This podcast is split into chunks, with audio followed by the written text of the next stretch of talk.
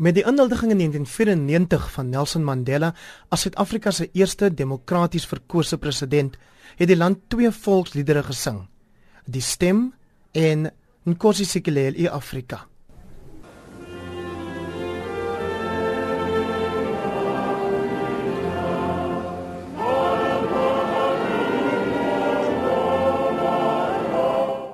Dit was aanduidend van die verdeling wat oorkom moes word.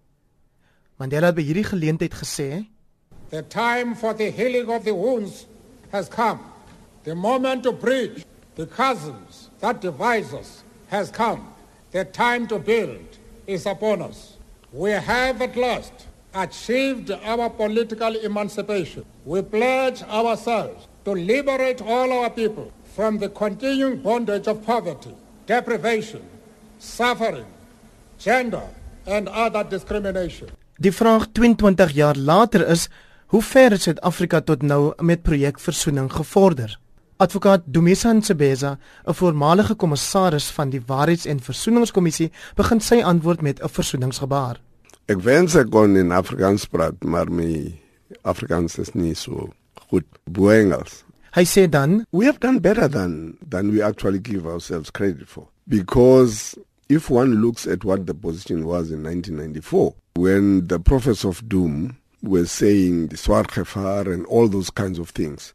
But I suppose through the leadership of Madiba, who, them, who himself was a perfect example of what a person does when so much had been done to him. I mean, to spend 27 years in jail and still come and say, I want to have those people who were advanced during the apartheid area at my expense because they acquired the skills let us work together.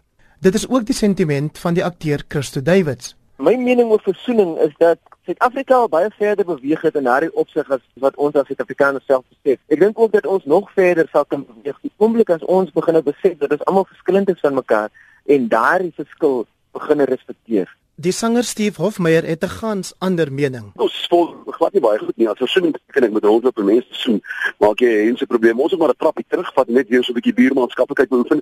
Ek dink tog versoening as 'n buurmanskaplikheid is 'n primêre roeping vir al ons Suid-Afrikaners. Nsebeza wys ook op die belangrike rol van die erkenning van die foute van die verlede vir die versoeningsprojek.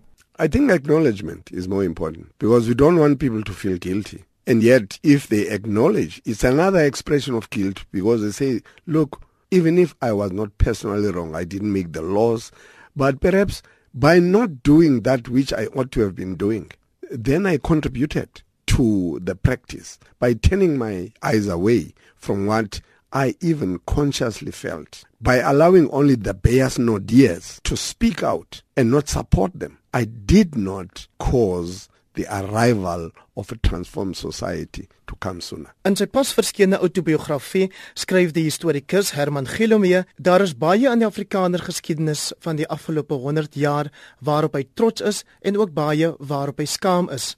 Oor die skaam aspek sê hy Nee, ek dink as mens moet begin oor waar jy uh, skaam voel, is dit natuurlik in, in die sin dat 'n mens uh, nooit werklik die uh, brein Afrikaans sprekendes deel van die gemeenskap gemaak het nie. Die ander ene is natuurlik ook die feit dat uh, dit mense eintlik nooit werklik goed uitgewerk het. Hoe staan ons teenoor die res van die groot gemeenskap in Suid-Afrika? Ek dink ons het probeer eie inhoud gee aan ons gevoel van Suid-Afrikanerskap, maar ons het dit nooit met ander mense onderhandel nie. Ons het eintlik 'n bepaalde Suid-Afrikanerskap probeer afdruk, maar dit is nou verby en ek dink ons almal soek nou na ons uh, veelvuldige identiteite. Maar daar bestaan steeds talle uitdagings om die kloof tussen verskillende ras en inkomste groepe te oorbrug. Konrad Sedigo is 'n oud ambassadeur en die vorige burgemeester van Stellenbosch. Versoening is 'n lang pad wat ons nog moet loop in Suid-Afrika, maar ek dink terselfdertyd moet ons nie ondankbaar wees sodat ons reeds bereik het nie. Ek dink daar is baie onvergenoegdheid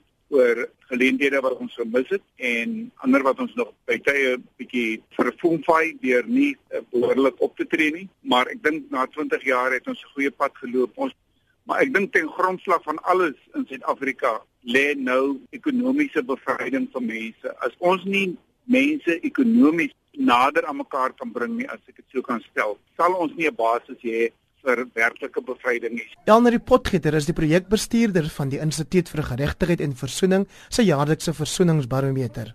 Die gevoel dat daar ongelykheid is sosio-ekonomies en 'n persepsie daarvan is, wel as 'n ervaring daarvan is en dat hierdie aangedui is in die barometer as die grootste bron van sosiale verdeling in Suid-Afrika. En daar is 'n behoefte onder Suid-Afrikaners volgens ons meningspeilings om te versoen en om bymekaar te kom. En dit word steeds gesien as 'n belangrike waarde vir die samelewing.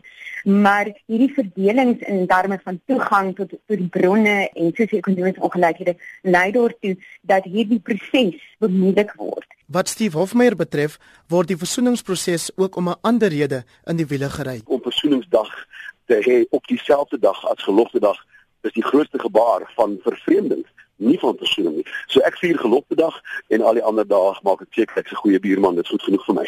Oud-president Mandela se inhuldigingstoespraak in 1994 het ook 'n pleidooi vir 'n nuwe inklusiewe soort gelofte ingesluit. We enter into a covenant that we shall build a society in which all South Africans, both black and white, will be able to walk tall without any fear in their hearts. Die latere samevoeging van die stem en Nkosi Sikeleli in Afrika was 'n stap in hierdie rigting, maar dis nie alleen die saamsing van die nasionale volkslied wat versoening gaan bewerkstellig nie, sê Ntsebeza. O as ons nie saam gaan swem nie, is daar nou moeilikheid. Wat in die toekoms vir ons wag.